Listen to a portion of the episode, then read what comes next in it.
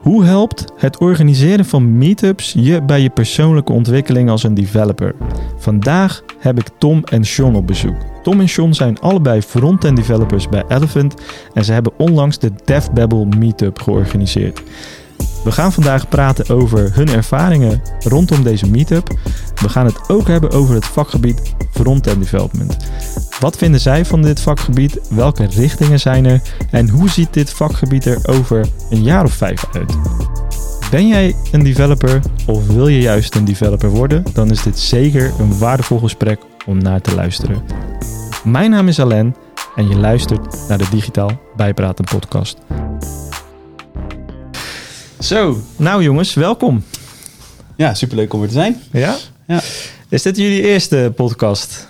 Uh, ja, voor mij wel. Dit is uh, de eerste keer dat ik überhaupt in zo'n setting voor de camera zit. Maar, uh, ja, voor ja. mij 100% de eerste keer. Ik zie je normaal in hier zitten en met andere mensen een podcast maken. Ja. En nu zijn we aan de beurt. Ja, jullie zijn aan de beurt. Hey, lijkt me leuk om even te starten met een, met een kennismaking voor de, voor de luisteraar, wie jullie zijn. laat ik bij jou beginnen, Sean. Ja, Sean, vertel even, wie ben je, wat doe je ik ben Sean van ik ben nu voor het vijfde jaar bij Elephant aan het werk als front-end developer. Ooit begonnen als stagiair. Um, vervolgens part-time hier aan de slag gegaan. Hier mijn afstuderen gedaan. En nu als front-end developer fulltime aan de slag. Ja. En wat heb jij gestudeerd dan? ik heb HBO Informatica gestudeerd. Informatica. Volgens mij is dat niet de gemiddelde route voor een frontender. zeg ik dat goed? Ja, klopt. Informatica is eigenlijk een back-end uh, gerichte opleiding. Ja. Maar ik had toen, uh, toen wel zin om zo'n opleiding te doen. En kwam er gaandeweg mijn studie wel achter dat het niet helemaal voor mij was weggelegd. Oké. Okay. Ik merkte dat het toch wel heel diep ging qua development. En mijn interesse lag toch meer richting designkant. En zo ben ik in front-end land gekomen, zoals ze het zeggen. En daar was er ruimte voor binnen je studie om, om dat stuk ook op te pakken en te verkennen? Uh, in principe op de studie zelf niet. Um, de studie is echt heel gericht op backend en mm. uh, systemen en uh, diepe programmeertalen. Ja. Ik heb wel een minor gekozen die dan op het CMD was. Dus dat is op communicatie en multimedia design opleiding. Ja. En ik heb dan nog een hondersprogram gedaan. Dus dat is een aparte een, een, bepaalde periode tijdens mijn opleiding. En daar werkte ik met verschillende disciplines. Dus werkte ik met uh, studenten van communicatie, studenten van CMD, zoals ik net noemde, en dan studenten van informatica. Oké. Dan heb je een beetje die, die afwisseling. En dat heet de Honest Program? Ja, Honest Program. Dat is okay. een aparte, apart deel van je studie kan je doen naast je studie. Dat is een soort van extra. Uh, optioneel ook. Optioneel, ja. Nee. En dan kan je daar nog een extra certificaat voor krijgen. Ja, Oké, en die heb je behaald? Die heb ik behaald, ja. ja. Heb je daar ook echt profijt van dat je merkt, oké, dus ten eerste je diploma, ten tweede zo'n certificaat? Voor mij wel. Ik merkte dat uh, werken met verschillende disciplines best wel belangrijk is. Zeker voor developers. Want ja, iedereen heeft natuurlijk de stereotype developer voor zich. maar ik merkte wel dat um, disciplines als communicatie en disciplines als communicatie en multimedia design studenten toch heel anders in de omgang zijn, heel anders communiceren, uh, beter communiceren. Dat, ja. dat staat voorop. Ja. En dan merk je wel dat je als, als informatica-student toch een soort van achterstand hebt. Of nee, niet zozeer achterstand, maar wel een andere visie op bepaalde dingen. Maar dan is het meer in de vorm van teamdynamiek en samenwerking eigenlijk. Ja, absoluut. Goed, ja. Maar ook een stukje, hoe kijk je naar bepaalde dingen toe? Uh, of tegen bepaalde dingen aan. Ja. Als, je, als wij bijvoorbeeld in onze branche een, een, design zien, dan denken wij gelijk aan wat moet dit doen, wat moet dat doen. Terwijl dat een communicatiestudent um, direct kijkt van hoe ga ik dit uh, vertellen aan de projectmanager, bij wijze van spreken. Ja, ja, ja. Dus wordt vanuit verschillende invalshoeken naar gekeken, wat best wel interessant is om, uh, om al tijdens je studie te ervaren. Ja, dus dan kom je toch een beetje over die soft skills kant eigenlijk, wat je nu benoemt. Ja, absoluut. Ja. ja. En dat, dat is ook iets wat voor jou interessant is. Ja, heel interessant. Ja. Uh, ik ben daar natuurlijk toen al mee begonnen op school. En ik merk dat het nu in de, in de praktijk toch wel heel belangrijk is. Ja, oké. Okay. ga ik me even wenden tot jou, Tom. want ja, wie, wie is Tom en wat, wat doe jij allemaal? Ja, ik eh, ben dus Tom, 29, eh, 29 jaar. eh, ook front-end developer. Eh, niet hier begonnen bij Elephant. Daar werk ik nu inmiddels twee jaar. Ehm, ik ben begonnen in Rotterdam bij een eh, klein bureau. En ben eh, ja, sinds eh, nu twee jaar eh, ja, werkzaam hier. Ehm, ja, een iets groter, eh, groter bureau dan dat ik gewend ben. Met wat meer mensen. En, eh, Gigantisch bureau. ja, gigantisch bureau. Nee, ja, ik was eh, in mijn zoektocht naar een ander bureau wel op zoek naar een, een iets kleiner bedrijf. Want ik hou juist wel van die kleine, ja, die korte connecties met elkaar. Ja, In plaats van dat je met een nummertje bent, zeg maar. Daar niet voor je van. gevoel. Ja, ik wil Ja. impact maken. En dat doe je bij een kleiner bedrijf wat sneller dan bij een groot bedrijf waar je veel managementlagen hebt. Hm, Dus ik was ook wel echt op zoek naar een kleiner bedrijf. En nu eh, ja, bij Elephant. Oké. Ehm, je, je hebt eigenlijk dus twee, laat ik even zeggen, werkgevers gehad. Ja. Allebei re- relatief kleine bureaus. Ja, eh, mijn vorige werk was eh, acht man groot. Mhm. Ja, we zitten hier nu met 18 à 20 man inmiddels. Dus Ja, ja, Ja. dat is wel een verschilletje. klein verschil, maar wel nog steeds in de, laat ik zeggen, dezelfde klasse bedrijven. Ja, ja. ja, ja. Ja. En ehm, wat heb jij gestudeerd? Ehm, ik heb zelf eh mediatechnologie eh, gestudeerd. Ze weten dat eh, vroeger. Mediatechnologie. Oké. Inmiddels heet dat CMGT voor Creative Media and Game Technologies. Dus het is iets meer gericht naar, naar gaming. Mhm. Ehm, en daarvoor heb ik ook informatica gestudeerd, een halfjaartje. En na een halfjaartje kwam ik er dus achter dat dat te technisch was voor mij. Want ik wilde ook ja, die visuele kant op. En ja, vond eh, informatica te technisch. En ben na een half jaar daarmee gestopt. En ben toen eh, naar Rotterdam gegaan. Ja. Ehm, en daar heb ik CMGT, eh, eh, of ja, mediatechnologie geleerd. En, Ja. eh, en eh, ja, die op- eh, opleiding gedaan. En eh, vo- volledig eh, afgerond. En, eh, Ja, of, ja, dat heeft wel een paar jaar geduurd voordat ik eh, eenmaal eh, afgestudeerd was. Maar eh, eh, vertraging ge- ik heb opgelopen. wat eh, vertraging opgelopen. Waar heeft dat mee te maken gehad voor jou? Ehm, ja, ik was heel erg zoekende. Ehm, want ja, die, eh, je hebt twee duidelijke disciplines, frontend en backend.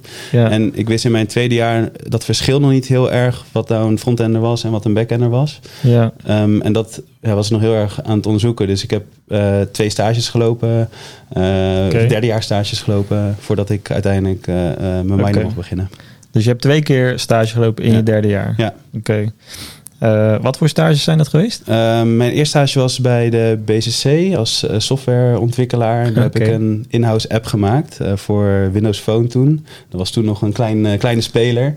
Ehm, dus toen heb ik in C-Sharp en eh, ja, heb echt wel een programmeertaal eh, een, eh, een app ontwikkeld. ehm, die zij in-house konden gebruiken. Mhm. Ehm, en ja, dat was een te interne opdracht, dus dat kon ik uiteindelijk niet gebruiken voor school. Ehm, dus toen wilde ik juist die hele andere kant op. En toen ben ik op zoek gegaan naar een front-end stage.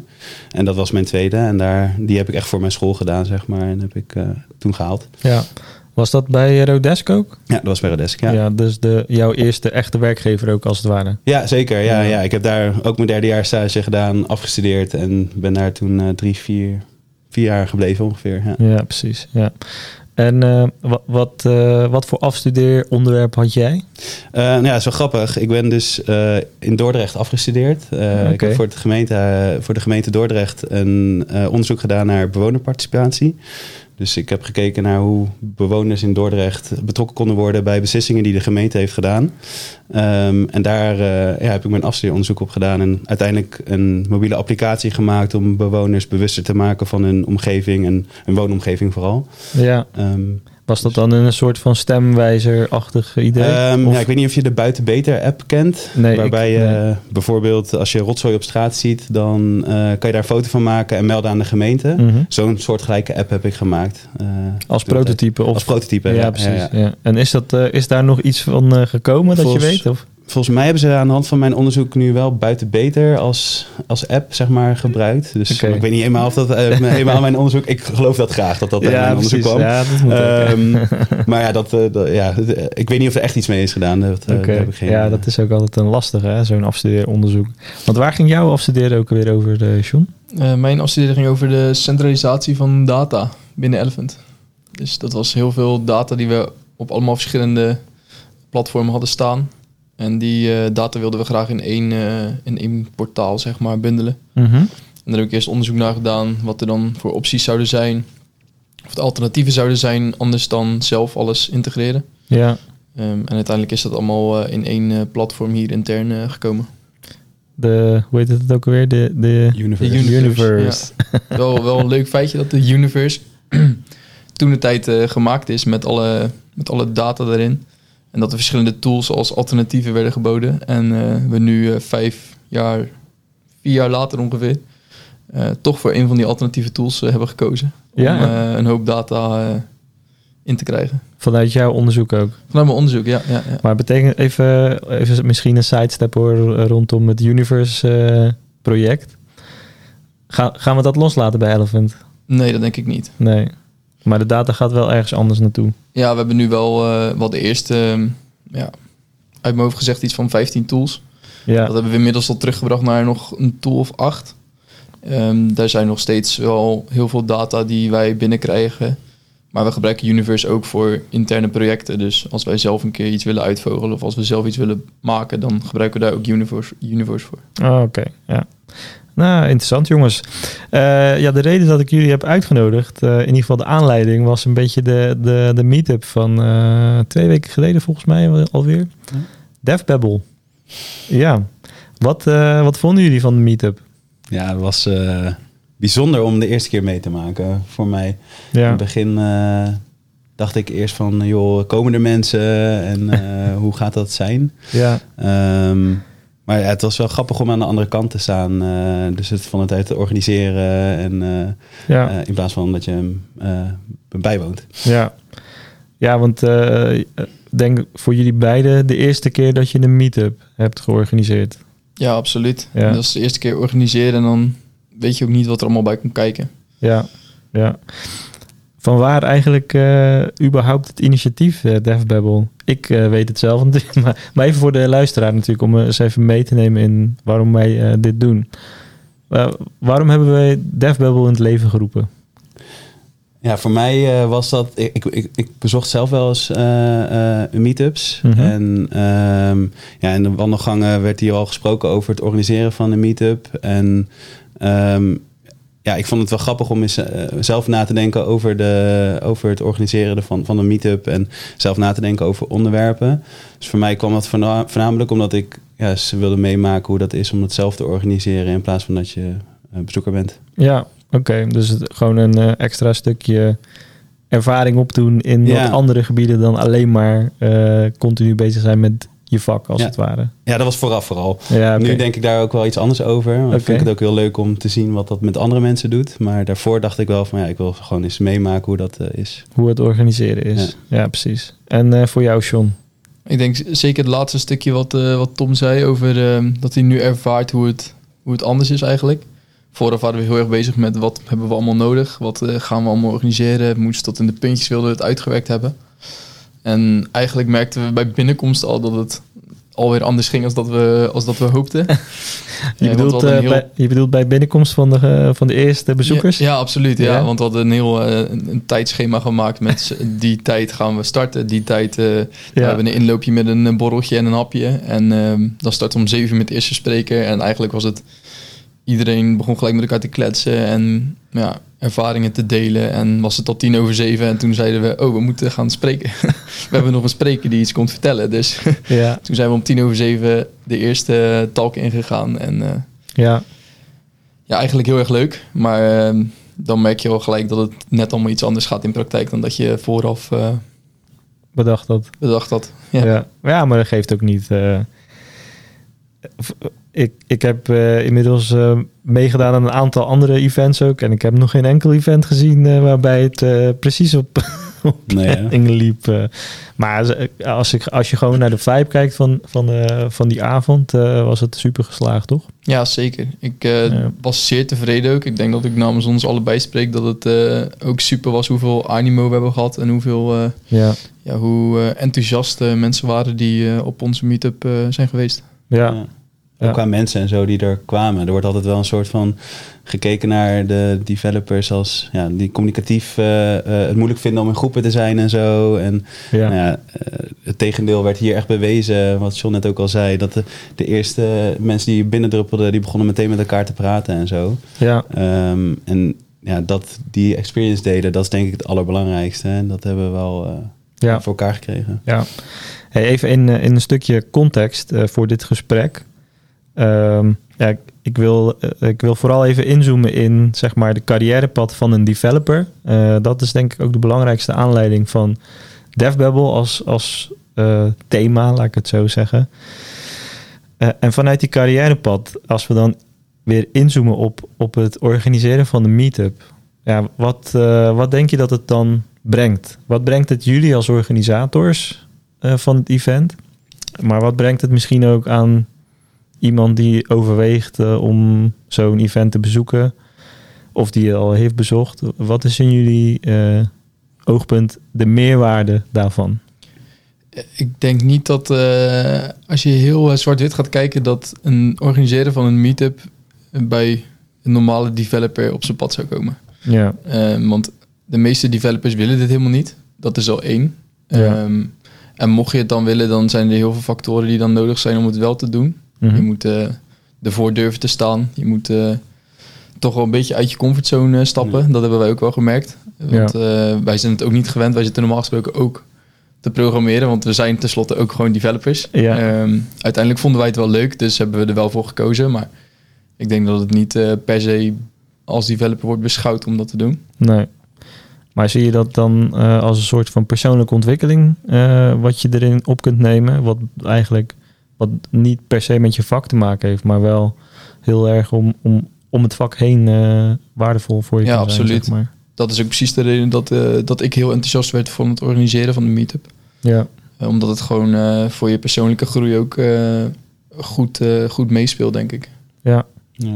Ja, het is heel goed om na te denken over actuele onderwerpen binnen het hele development landschap, zeg maar. Want er zijn heel veel onderwerpen en al heel veel meetups. ja, Je wil niet one of the guys zijn, zeg maar. Je wil erbij horen, maar je wil wel even iets anders doen. En ja, ja, het nadenken over dat soort onderwerpen helpt denk ik ook bij ja, je eigen persoonlijke skills en zo. Van wat speelt er in een developerwereld en hoe denk je daarover na? Dus dat is denk ik ook wel heel erg leuk om te doen.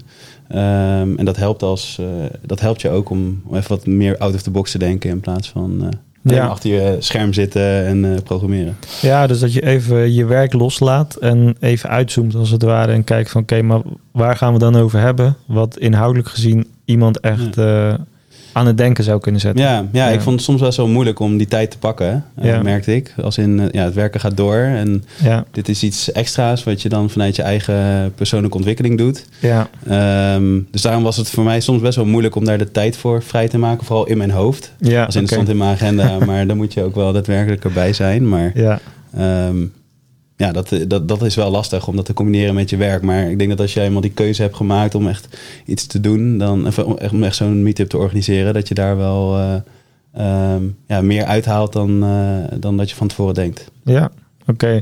Ja, ik denk als je hem eh, eh, betrekt op de meetup, ja, je dwingt jezelf eigenlijk om eh, uit te zoomen, uit het werkveld even te stappen, eh, wat breder te denken en te kijken. Mhm. Maar ik denk dat het ook belangrijk is om zo in je carrière te staan, even los van de meetup.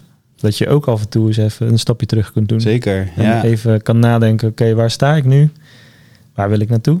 Waar kan ik naartoe? Wat is er? ja. Ben ik nog in de juiste richting? Ja, die eagle eye is heel belangrijk. Hè? Dat Ja. je, want je komt zo snel in je, in je vaste werk en je, Ja. je, je, je ritme, zeg maar. En dat het, eh, ja, dat het echt wel goed is om heel even te denken van... oké, ik ga nu even een stapje terug doen. En nou ja, daar heb je verschillende manieren voor natuurlijk. Maar Mhm. praten met andere mensen helpt bijvoorbeeld heel erg.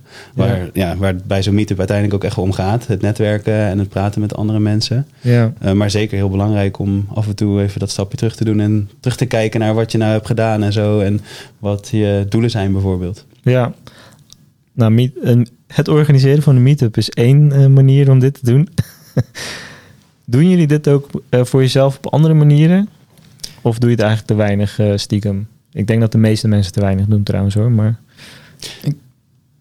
Ja, ik heb sowieso wel een... eh, tegenwoordig wat ik doe, eh, sinds we natuurlijk naar het nieuwe kantoor zijn. Ehm, hier zitten we nu drie maanden, denk ik. En we hebben heel veel verschillende plekken hier in het kantoor... waar je gewoon flex kan werken. Ehm, als in, het is een flex werkplek. Maar wij zitten nu met z'n allen daar te programmeren als het ware. En iedereen zit een beetje in zijn eigen eh, omgeving.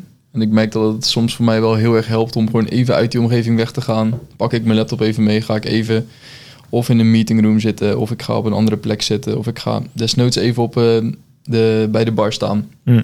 Even in een andere ruimte en even kijken van wat, is, wat komt er allemaal aan qua planning. Ehm, zijn er nog nieuwe, eh, nieuwe updates voor frameworks die we gebruiken of, of andere dingen die, eh, die spelen. En dan, al is het maar vijf of tien minuten, dan merk je dat, je dat je gewoon heel erg bewust wordt van het feit dat je niet alleen maar met programmeren bezig bent, maar dat je af en toe juist even uit moet zoomen. Ja, ja. Ja. En voor jou, Tom? Ehm, mij helpt het heel erg om met andere mensen te praten. Dus ik eh ja, bevriende developers, maar ook zeker niet-developers. Ja, Ehm, ja, vrienden en zo, daar probeer ik dan mee, eh, mee te praten over mijn werk, zonder dan heel technisch te worden, om toch even dat andere inzicht te, te zien. En dat helpt heel erg. Dus ik ga eh, uit eten met iemand en dan ga ik even kijken wat er... eh, ja, dan gaan we gewoon in een open gesprek erover praten. En dat helpt mij heel erg om dat stapje terug te doen en om ja. ja, een andere kant te belichten. Is dat eh, onbedoeld ook elkaar een beetje coachen eigenlijk? Ja, dat denk ik wel. Ja, Ja. vanuit de vriendschapsschool Ja, precies. wel. Daar haal ik heel veel uit, ja. Ja, ja. ja, ik denk dat dat heel belangrijk is. En zeker voor de beginnende mensen in hun carrière, eh, ja, ben je denk ik vooral bezig met eh, hoe ga ik mijn vak beter beoefenen. Ik denk dat dat ook eh, ja, je hoogste prioriteit is dus, en ook hoort te zijn. Maar ik heb een keer een uitspraak eh, gehoord die is bij mij blijven hangen. En dat is dat richting is belangrijker dan snelheid. En ik was ja, vroeger, ik ben al een oudje in, inmiddels, hè. maar vroeger was ik heel erg gefocust op snelheid.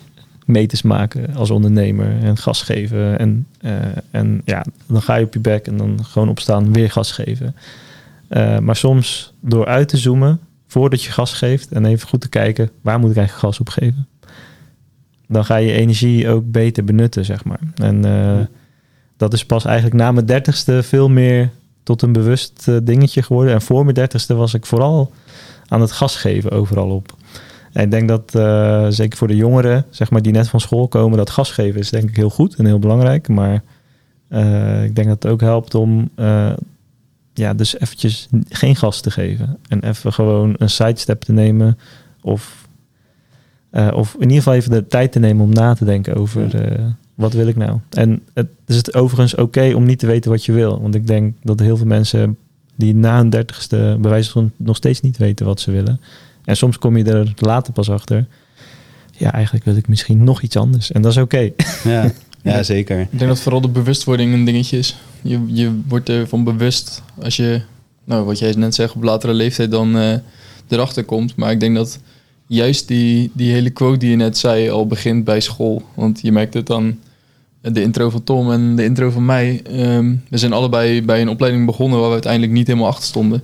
Ja, Ik heb hem dan wel afgemaakt omdat ik dacht dat ik nog met minus eh, wat kon spelen. ja, Eh, maar je merkt gewoon dat als je daar al gaat kijken naar verschillende gebieden, dat je ja. eigenlijk veel ruimer trekt dan dat je, dan dat je gas aan het geven bent. Zeg maar. ja. Ja.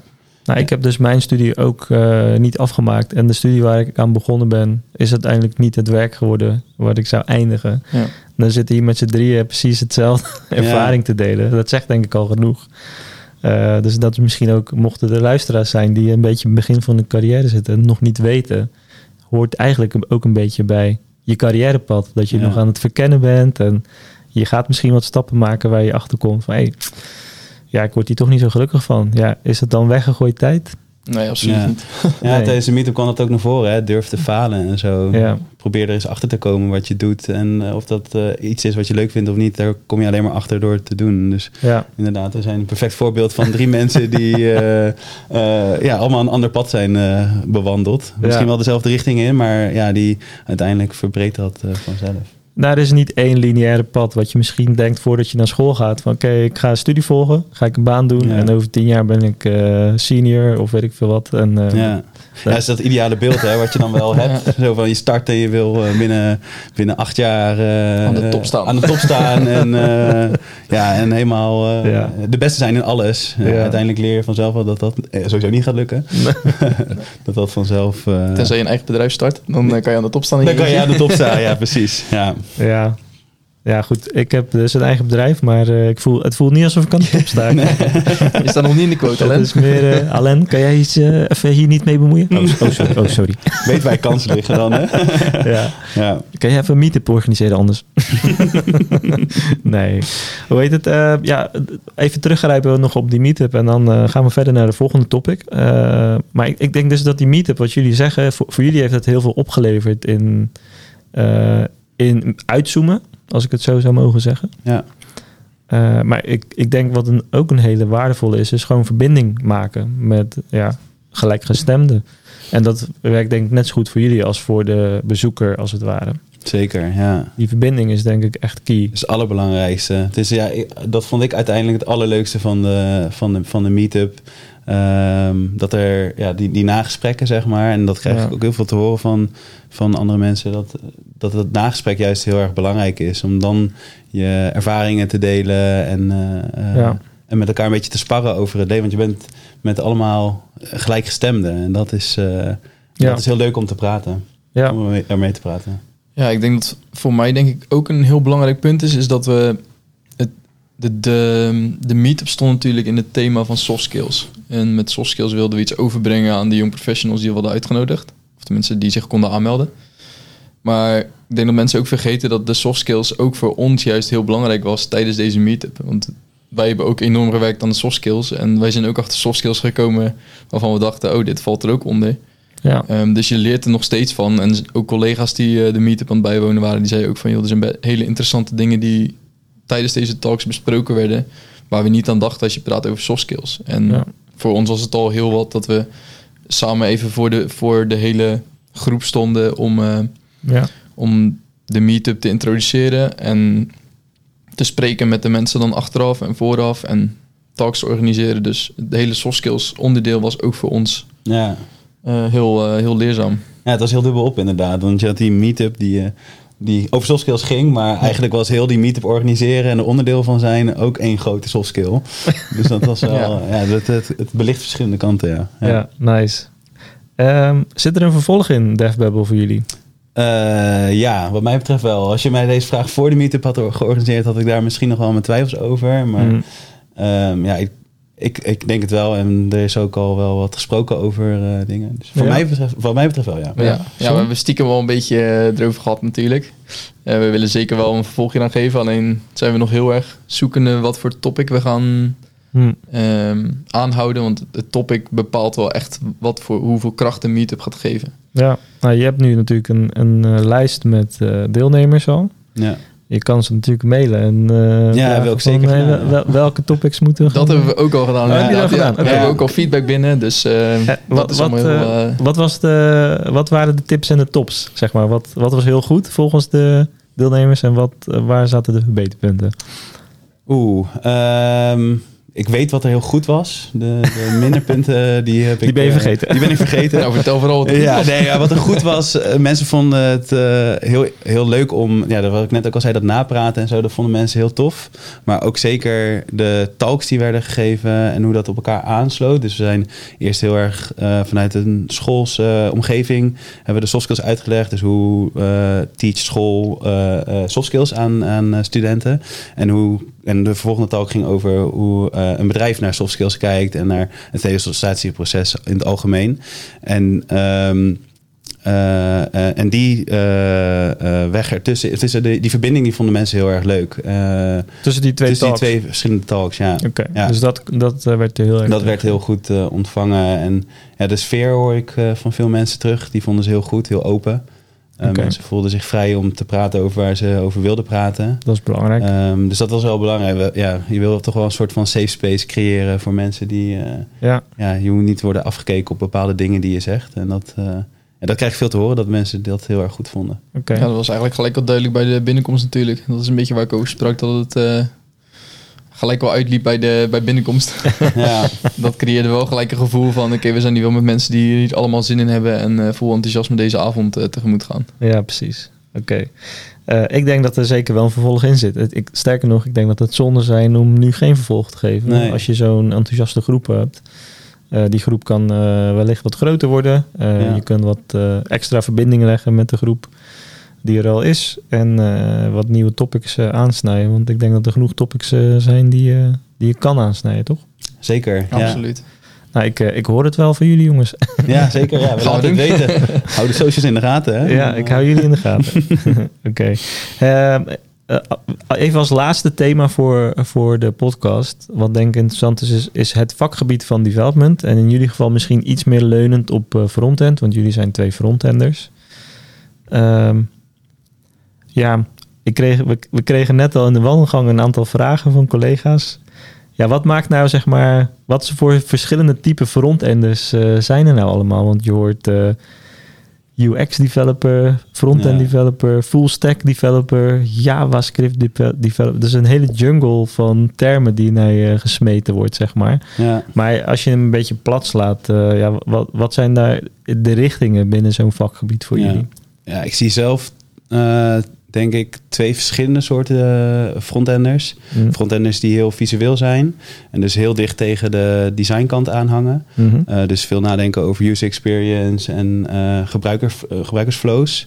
Ehm, dus die, die zitten daar meer aan. En je hebt de andere kant, en dat, die zijn wat technischer. Dus die, die ja, zoals je net al zei, JavaScript developers en dat soort dingen. Die zitten wat meer aan de logica kant. Ehm, en die twee ja, groepen kan je wat mij betreft er wel, wel uit elkaar halen.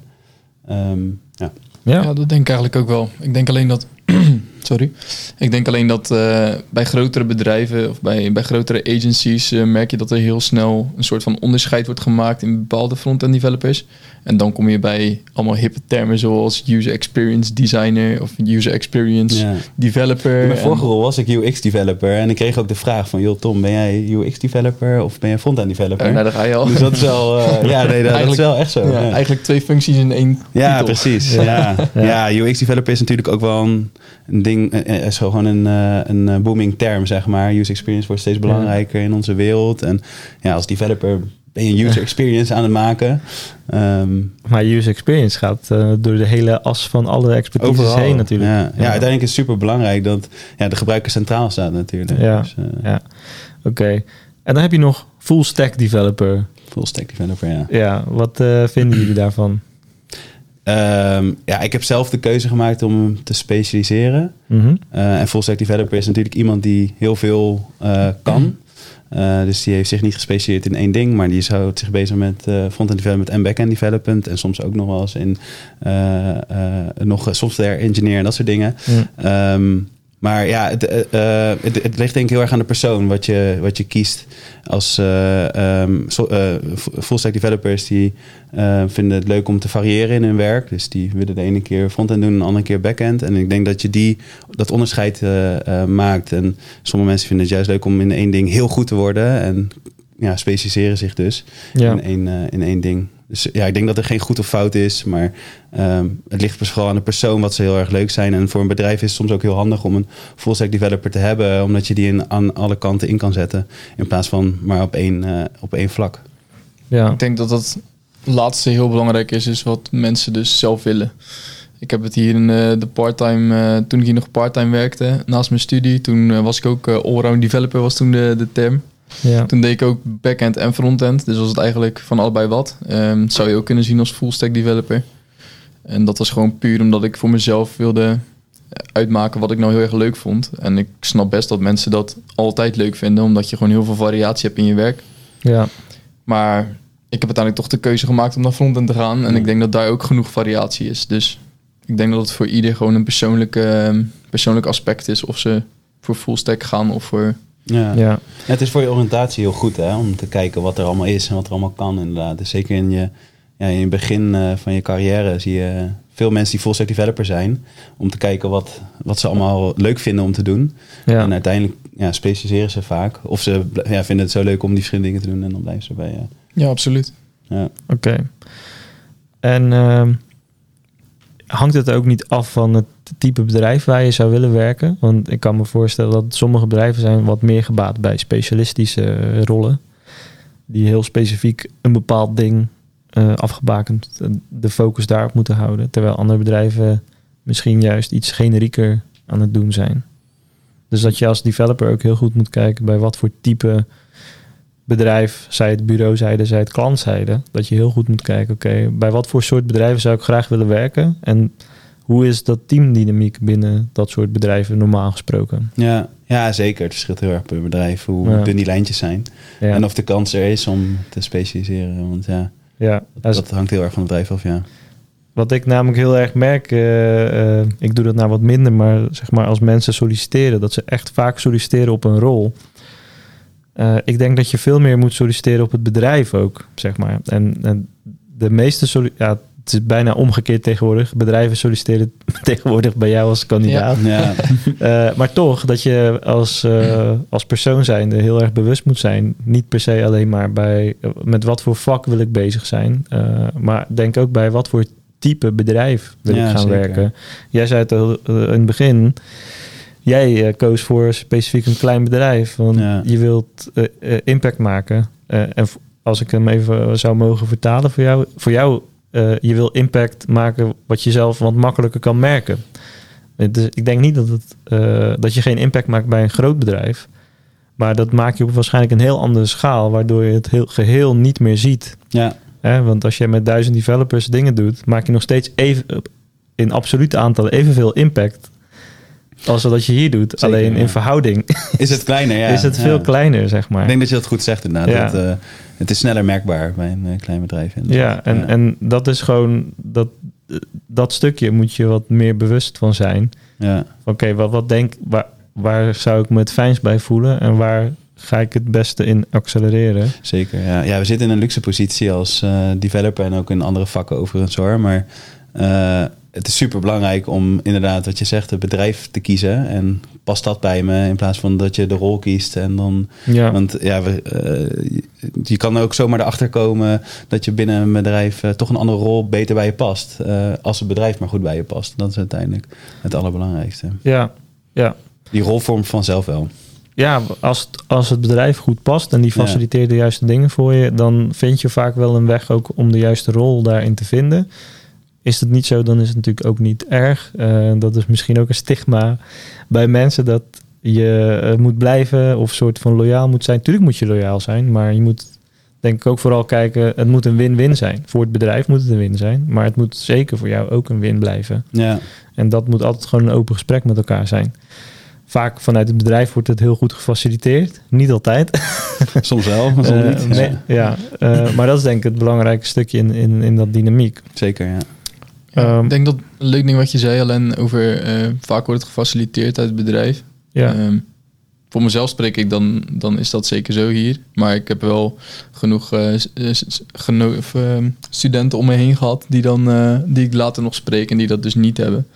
En niet per se een visie hebben vanuit het bedrijf of niet een doelen hebben gesteld vanuit zichzelf. En die zijn dan anderhalf jaar bezig en denken bij zichzelf, ja, ik word nu wel beter in mijn werk, maar ik zie eigenlijk geen- niet echt toekomst. En Hm, ik denk dat dat ook een heel belangrijk ding is voor jezelf om ja. te blijven onthouden in je hoofd van joh, welk pad wil ik op en waar wil ik precies heen? En gaat het bedrijf daar mij in supporten of moet ik het allemaal zelf? Ja. Moet ik zelf die stappen ondernemen?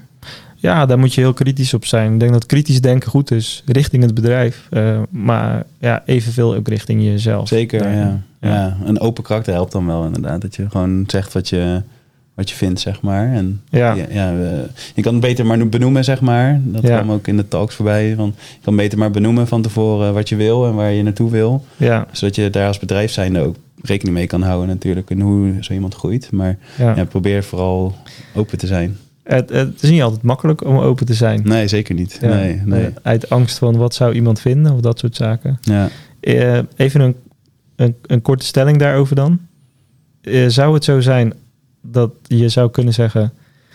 wanneer je niet open kunt zijn, klopt de omgeving niet? Of is dat iets te kort door de bocht? Kan het ook wel zo zijn dat je gewoon gesloten van nature Ja. bent? ja, ik vind dat wel kort door de bocht. Ja, Ehm, het ligt denk ik vaak ook wel aan de persoon hoe dat voelt, zeg maar. Want voor de ene persoon kan een bedrijf juist wel open zijn en voor een andere persoon niet. Dus ehm, ja, en natuurlijk er zijn er bedrijven die heel gesloten zijn en eh, waar alles achter gesloten deuren eh, eh, zich afspeelt, zeg maar. Maar ik denk dat dat heel erg aan de, ja, bij de persoon ligt. Of dat, dus ja, ja. ik denk dat dat te kort door de bocht is. Ja. Dus is- je moet niet gelijk zeggen... ik, ik durf niet wat ik, ik durf niet te zeggen wat ik zou willen. Dan is het, ligt het niet per se aan, aan je team of bedrijf. Het kan ook echt liggen aan, oké, misschien durf je vanuit jezelf gewoon iets te weinig Ja, eh, te uiten. ja zeker. Ja. Ja. Ja. Ik merk dat bij mezelf ook soms wel eens hoor. Dat ik dan liever denk van joh, eh, ik, ik vermijd conflicten en dan los ik het zelf op, zeg maar. En dat, ja, dat leer ik steeds meer om dat niet te doen. Ja. Maar ja, het ligt ook, ja, ik, het is eh, alle, allebei de kanten. Ik denk dat eh, soms een bedrijf eh, heel gesloten is of Ja. de persoon is heel gesloten. En Maar het heeft ook denk ik met, ja, even tussen aanhalingstekens je leidinggevende te maken. Ja. Hoe, hoe stelt zo'n persoon zich op? Want het kan een heel open bedrijf zijn, maar als het net toevallig iemand is waar je heel slecht mee, zeker. mee gaat, Ja. dan, ja, dan is die directe link is vaak dan een soort van je bottleneck. Ja, precies. En, ja. eh, maar het zou eigenlijk wel vanuit het bedrijf moeten komen dat er dan, weet ik veel, een vertrouwenspersoon is. Of dat je toch ergens ja, je ei kwijt kan, als het Ja. ware, eh, waar je in je veilig voelt. ja, zeker. Ja, wij werken tegenwoordig met buddies en zo. Oké. Dus ja. dat je, eh, dus ik weet niet of jij al met je buddy hebt gesproken, maar Ik zie John kijken. Eh, buddies. Ja, Ik buddies. weet van- Voor de eerste keer, ja. Nee, ja, het is, eh, misschien ben ik de enige die dat... eh, nee, maar die, eh, de- en, ja, dat, dat zijn de mensen waar je dan eh, kort mee kan overleggen en zo. En ja, het is aan hun de taak om een safe space te, te creëren. eh. Waar je alles durft te zeggen. En dat heb je met één persoon meer dan met een andere natuurlijk. Dus ja. Ja, dat, dat ligt ook aan. Het kan ook zomaar zijn dat er bij het bedrijf helemaal geen mensen zijn... die, die goed connecten, zeg maar. Waar jij open durft te praten. nou, het is Ehm, ook, eh, eh, wij, wij hebben het vanuit even de directie vaak ook over. Van oké, je moet iemand beoordelen en daarna moet je zijn buddy zijn. Ja. Dat is best wel soms tegenstrijdig. Als ik een heel moeilijk gesprek met je moet voeren waar ik eh, ontevreden over je ben, dat kan. Hè, dat, dat er iets gebeurt of wat Ja. dan ook. Maar dan is het heel lastig om je dan op, als persoon op gemak te voelen. Om dan naar mij toe te stappen en te zeggen: Ja, maar hoe? Ik wil graag iets verbeteren of veranderen. Terwijl je net zo'n confronterend gesprek met mij gehad hebt. Ja, Dan is het eigenlijk wel fijn dat je een, inderdaad een buddy zou hebben. ja precies. Om even gewoon eh, ook te kunnen klagen over mij. Van, Ja. ah, wat een lul joh. Die zit me heel te, te, te bashen. En eh, ik doe maar mijn best, weet je wel.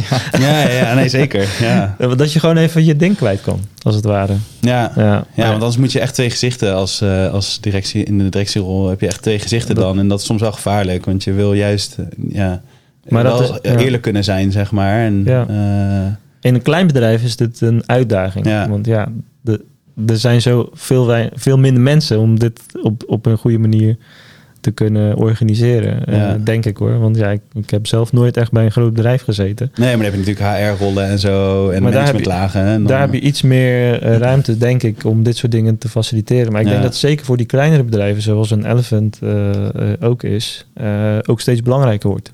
Zeker, ja. ja. Ja, Ja, dat merk je wel in de gesprekken die we hier hebben, ja. ja. Bij het stukje open zijn is misschien nog wel een goede toevoeging om durf soms ook ergens tegenin te gaan. Ja, Ehm, want je kan dan wel met een, een HR iemand zitten, een leidinggevende zitten of noem het allemaal maar op.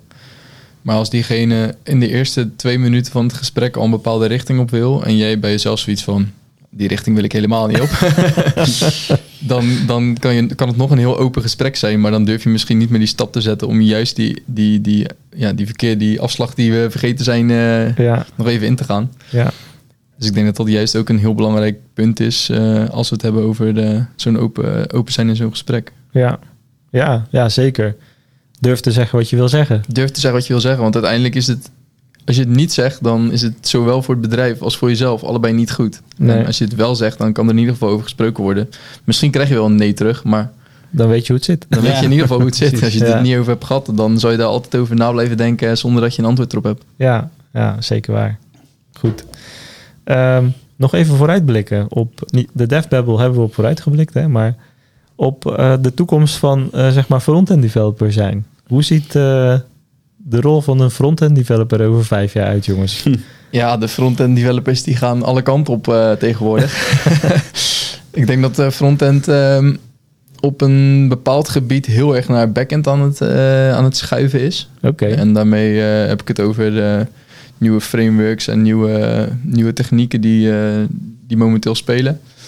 Daarmee, of daarbij merk je wel dat het, het JavaScript gedeelte, ehm, als we dan toch maar even termen gaan gooien van development, ehm, die gaat heel erg richting backend. En daarmee kan je al hele, eh, hele applicaties bouwen zonder dat je direct de backend nodig hebt. Hm. Uiteindelijk zal backend natuurlijk nog wel belangrijk zijn voor bepaalde integraties en koppelingen. Maar ik denk dat van eh, waar je normaal 50-50 bijvoorbeeld had, ga je nu wel naar 70-30 wat je met frontend al kan oplossen. Oké. Ja. Dus ik denk dat dat een heel belangrijk, eh, een belangrijke verschuiving is sowieso in de toekomst voor, eh, voor frontend. Ja. ja, je ziet echt twee kampen. Hè? Ik noemde hem net ook al heel eventjes. Die visuele en die technische kant. Ja. Ik denk dat veel frontenders eh, of de stap gaan zetten naar de visuele kant. Want we hadden het net ook al kort heel even over alle platformen die je hebt. En al die snippets eh, die je overal Ja. vandaan kan trekken. Dat ehm, het voor sommige mensen als fro- fro- ja, frontender kan je ook in de browser in een, eh, in een applicatie doen, zeg maar. En hoef je niet per se voor te, te, te, te coderen in een programma bijvoorbeeld. Ja. En ik denk dat je daar een, een hele duidelijke shift gaat zien in de mensen die dus aan die visuele en die user experience kant gaan zitten. En dus vanuit een wel technische achtergrond daar iets over kunnen zeggen. Ja. En, en dus de, de logische kant waar John het net over had van de... eh, eh, meer, ja, JavaScript is echt daar een goede toevoeging voor, voor de frontender. Het is echt een goede eh, toolkit om, om, om Ja. die logische stap te zetten. Ja, als ik er een beetje commercieel naar kijk. Ik, eh, eh, ik heb enige aff- affiniteit met eh, development. Uit mijn vroegere jaren. Net vroeger, vroeger was je, ja precies. Ook, ook, ook nog wat eh, code, code mogen kloppen. Eh, en eh, ik doe het stiekem nog steeds met side projects. Display none. Ja. Display, ja, Alles alles stable. Ja, float left. Werkt altijd. Ja. Nee, maar eh, ehm, als, ik, als je er naar kijkt. ik denk dat die visuele kant van frontend eh, wel moeilijk wordt. Ja. En dat heeft ermee te maken dat er steeds intuïtievere oplossingen zijn. Waarin eigenlijk de marketeer zelf aan de slag kan om zijn eigen site te maken. Dat is de ene kant. En aan de andere kant zie ik ook eh, steeds meer oplossingen oppoppen in, in zeg maar de, de no-code eh, Ja. community. eh, zoals dat zo mooi heet. Ja. Hoe heet die bekende tool ook alweer? Webflow. Ja. Heel veel designers omarmen Webflow, waar je hele vette, goede sites mee kunt maken. Eh, met animaties en hoe je het wil inrichten. En, en die, ja, Webflow speelt natuurlijk heel erg in op dat frustratiepunt dat zo'n UX'er of een conceptual designer zijn vertaalslag, ja, even bot gezegd, verkracht ziet worden door een developer die het eigenlijk niet goed vertaalt. Even, Ja. Dat is dan even heel kort door de bocht. Dat En- af en toe gebeurt. Wat- ja, dat, Gebeurt, ja, dat gebeurt gewoon best vaak eh, als je het eh, Ja.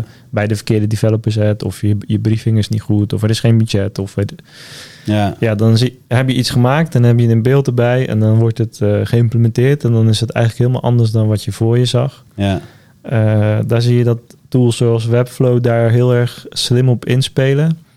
Eh, ik zie heel veel bureaus dat ook omarmen. Ja. Maar dat maakt het denk ik voor die visuele frontender... eh, is dat eigenlijk een soort van ja, alternatief geworden. Ja, sommige mensen gaan dat gebruiken. Eh, maar ik denk dat als jij als frontender kan jij je daarvan distancieren door mee te denken, juist met, met die mensen, zeg maar. Ja. Dus eh, inderdaad, je hebt al tools van Wix eh, en Webflow en dat soort dingen. Eh, maar vroeger had je ook al de templating eh, thema's in WordPress en dat soort dingen. Dus het bestaat al wel, het bestaat al heel lang. Het wordt alleen iets toegankelijker voor niet-developers. Ja, Ehm, maar ehm, ja, ik denk dat, je, dat, dat, dat die custom vert- vertaalslag die een frontender kan toevoegen aan je website, die custom flows die die kan maken, ja. heel moeilijk te realiseren zijn in zo'n Webflow of eh, een andere tool. Maar als je dan weer over de commerciële as gaat bekijken... eh, kom je op budget Ja, en kom je op tijd. En eh, ik heb een event website eh, in elkaar geklikt mhm. met Wix. En dan zeg ik het even oneerbiedig hoor, maar vier uurtjes. ja, En mijn hele site stond, ik was helemaal op dit toppie tevreden, want ik heb het zelf gemaakt. Ja. Beetje die IKEA-gedachte. Als je je eigen kast in elkaar zet, is die toch iets mooier dan wanneer je hem koopt. Maar dat, dat, die vibe, zeg maar, die speelt heel erg mee. Dus de, die, de frontender, die, waar jij het over hebt, is heel erg de puristische aanpak. ja, Eh, daar, eh, ik denk dat daar nog ruimte voor is, maar dat er wel een niche wordt. zeker. Ja, het ligt heel erg aan het type klant inderdaad. Ja. En sommige klanten die waarderen dat eh, wel eh, nog steeds heel erg, gelukkig ook. Ja, Dat meedenkende vermogen van een frontender. Ja. Ehm, het zal echt belangrijk zijn. Het ligt heel erg aan je budget inderdaad, wat voor een keuze je maakt. En, en gelukkig zijn er tegenwoordig ook eh, manieren om als frontender sneller zo'n website te maken. Ja. Dus waardoor je nog steeds de volledige controle hebt over je flow en je Mm. werkwijze, zeg maar. Maar wel sneller zo'n website kan maken. Ja, Eh, door zelf thema's te maken. eh, met, Ja. ja. ja, dat kan tegenwoordig, er, tegenwoordig kan er heel veel met, met eh, CSS en met JavaScript ook. ja. Ehm, waardoor dat ook makkelijker wordt. Dus ik denk dat je, als je daarin gaat specialiseren en je wel die, eh, die eh, kant eh, van klanten zoekt, dus die, waar het budget gewoon nog niet zo groot is, ja, is er gelukkig nog als frontender wel tooling om, om ook die niche te. te Ja. Nou, maar goed, je hebt denk ik nog genoeg klanten die echt niet zitten te wachten om iets zelf in elkaar te klikken. Of Nee, precies. Dus, eh, Ja. zeker waar. ja. Ik denk dat het wel belangrijk is. Heb je als frontender de ambitie om die visuele kant op te blijven pakken? Om scherp op dit soort dingen te blijven letten? Zeker. Ja. Hoe ga ik mijn rol over vijf jaar vervullen? En waar ligt mijn waarde? En bij wat voor type klant? Er is altijd een waarde. Maar eh, ja, we vergeten vaak in onze vak eh, na te denken over dat commerciële aspect. Van waar ga ik waarde nog toevoegen? Is dat nog wel bij bureauzijde? Of Ja. gaan alle bureaus over op Webflow? Ik, weet- ik weet het Ja. niet, hè. ik noem maar even iets. Maar eh, het is wel goed om daar scherp op te zitten als developer zijn. Of moet, moet ik mijn skillset dan ook een beetje switchen naar niet alleen frontend, maar ook user experience wat meer? Zodat ik misschien eigenlijk ook UX-sessies kan begeleiden en daarna ook die implementatie kan doen. Moet dat hem zijn? Ja. Als, als ik frontender was, zou ik heel erg met die topics bezig zijn, Ja. zodat ik over vijf jaar beslagen te ijs kom bin- binnen dat stukje waar ik zou willen zitten, zeg maar. ja, ik heb dat altijd wel heel eng gevonden hoor, die eh, Ja. platformen. En dat eh, laat ik steeds meer los. Dus ja, dat, eh, ja, het, het, het je is moet het niet als eng gaan zien. Je Nee. moet het als een tool zien die je eventueel of kan gebruiken of een goed alternatief voor kan bieden. Ehm In principe houden die oplossingen je als vakspecialist ook scherp. 100%. Ja, je moet zorgen dat je beter bent dan die toolings. Ja, voor een bepaalde klant. Dat is een- voor een bepaalde klant inderdaad. Dat is een beetje de mindset die je dan, eh, die je dan moet hebben. Klanten zijn ook gewoon geneigd om dan snel eh, iets te willen hebben. Ehm, maar hoe kijkt een klant naar de toekomst? Is iets future-proof wat je dan bijvoorbeeld met een webflow in elkaar klikt? Zijn er, Nee, Nee, ja, je, dat- nee, ja. super gelokt in. Hè? Je dat- kan dat is- eh, dat is nooit een- meer iets anders. dat ja, is wij hebben er dus vanuit de Hurt hebben wij de website op laten zetten in Webflow. Puur omdat ik ook echt wilde kijken, wat doet dat platform? En eh, eh, wat, ja, hoe, hoe maak je een website in Webflow? We hebben dat gewoon uitbesteed, wel bij een bureau die dat, dat deed. Maar je zit behoorlijk lock in inderdaad. Ja. Als ik een landingspagina nu wil maken, moet ik ze toch even bellen. ja, precies. Terwijl dat, eh, als je dat bij een ander bureau laat doen, of bij een bureau die dat eh, op een andere manier oplost, dan Dan kan ik heeft hij daar van tevoren hopelijk over nagedacht dat dat Ja, een optie zou moeten zijn. dus het, het is Eh, geen zwart-wit goed fout, het hè, maar het is zeker niet. Het is wel niet. goed om, eh, om te beseffen van oké, voor, voor, ieder is, voor ieder is wat wils als het ware. Ja, Ja, ja en, en, en kom erachter waar jouw sterke kanten zitten, zodat je tegen die grote partijen zoals een Webflow eh, ja, eh, ja, op kan boksen. En, ja. ja. Eh, en, en die technische kant van, eh van frontend, dat gaat heel erg richting backend, gaven jullie net aan. Ja, log ja, het is, eh, Ja, er zit nog een super groot verschil tussen frontend en backend. Mhm. En dat zal altijd nog wel blijven bestaan, maar eh, de logica wordt belangrijker in, Ja. in, in frontend. Dus je gaat meer logica schrijven. Ja. Eh, in plaats van dat je puur alleen maar de templating doet, Mm. eh, ga je ook ja, data ophalen, data manipuleren Lag aan dat- de frontend kant. Lag dat, of ligt dat nu nog wat meer bij de backender? Ja, als je kijkt naar echt PHP-development wel, Mhm. Ehm, dan, dan zeker. Dan, eh, dan ligt, dat, ligt dat vooral nog bij de backend eh, developer, dus de data ophalen.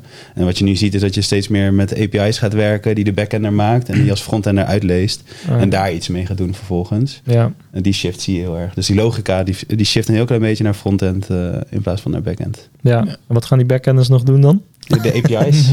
Die gaan veel, eh, heel ja, erg je, de ja, je ziet dat daar. Een, eh, ja, dus echt die moeilijke koppelingen maken eh, met externe systemen. ja. data vergaren en, en, en samenvoegen. En dat in een prettige omgeving geven. aan jou, de- aan jou aan geven, waar je iets, geven. ja. als frontender waar jij weer vervolgens iets mee gaat doen. Ja, wij merken hier ook steeds meer met API's en zo, die dan backend team maakt en die door, als frontender wordt uitgelezen, eh, of waarmee wordt gecommuniceerd dan eh, via een API. Dus dat verandert Ja. wel een beetje. Ja. Ja, Ja, als we heel eerlijk zijn, en we hebben het natuurlijk nu over de verschuivingen binnen frontend. Als we daar nu al op uitzoomen, dan hebben we al een enorme verschuiving gehad. Ehm, waar vroeger de meeste mensen over HTML, CSS eh, spraken. eh, was dat helemaal hot en een klein beetje JavaScript hier en daar. En dan had je jQuery nog. jQuery, dan, had je, dan had je toch wel een mooie site. Nou, dan zag je een site met een paar blokken zo en dan dacht je, nou, dit is mijn site.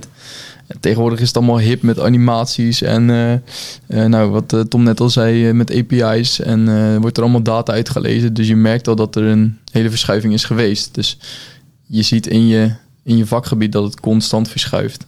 alleen ja, zoals je net al zei, het is wel belangrijk om ervan op de hoogte te zijn welke kant we een beetje op aan het gaan zijn. en zoals Tom net al aangaf, we zijn nu dus een beetje de, de, de backend kant op aan het gaan, om het zo maar te zeggen. Ehm, als je dat wil en als je dat niet wil, dan kan je in principe nog een andere kant op. Ja, gewoon blijven anticiperen dus. Ja, zeker. En blijf praten met mensen in je omgeving, want daardoor kom je achter dat soort dingen en zo. Want ja, ja. blijf praten, dat is het allerbelangrijkste. Meetups dus. Meetups. nou, Meetups en podcast. Kijk eens. ja, tof. Uh, ik denk dat, uh, dat we hem hierbij moeten laten. ik weet eigenlijk niet hoe lang we hebben gepraat. Voor, voor mijn gevoel is het wel een van de langere afleveringen. Ja.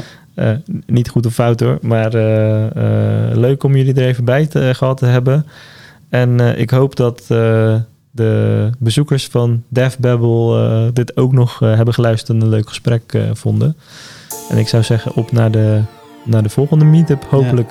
Ja, ja superleuk om dit uh, voor het eerst mee te maken. Zeker, sluit me helemaal aan. nou goed, jongens, dankjewel en uh, tot de volgende. Ja, jij bedankt.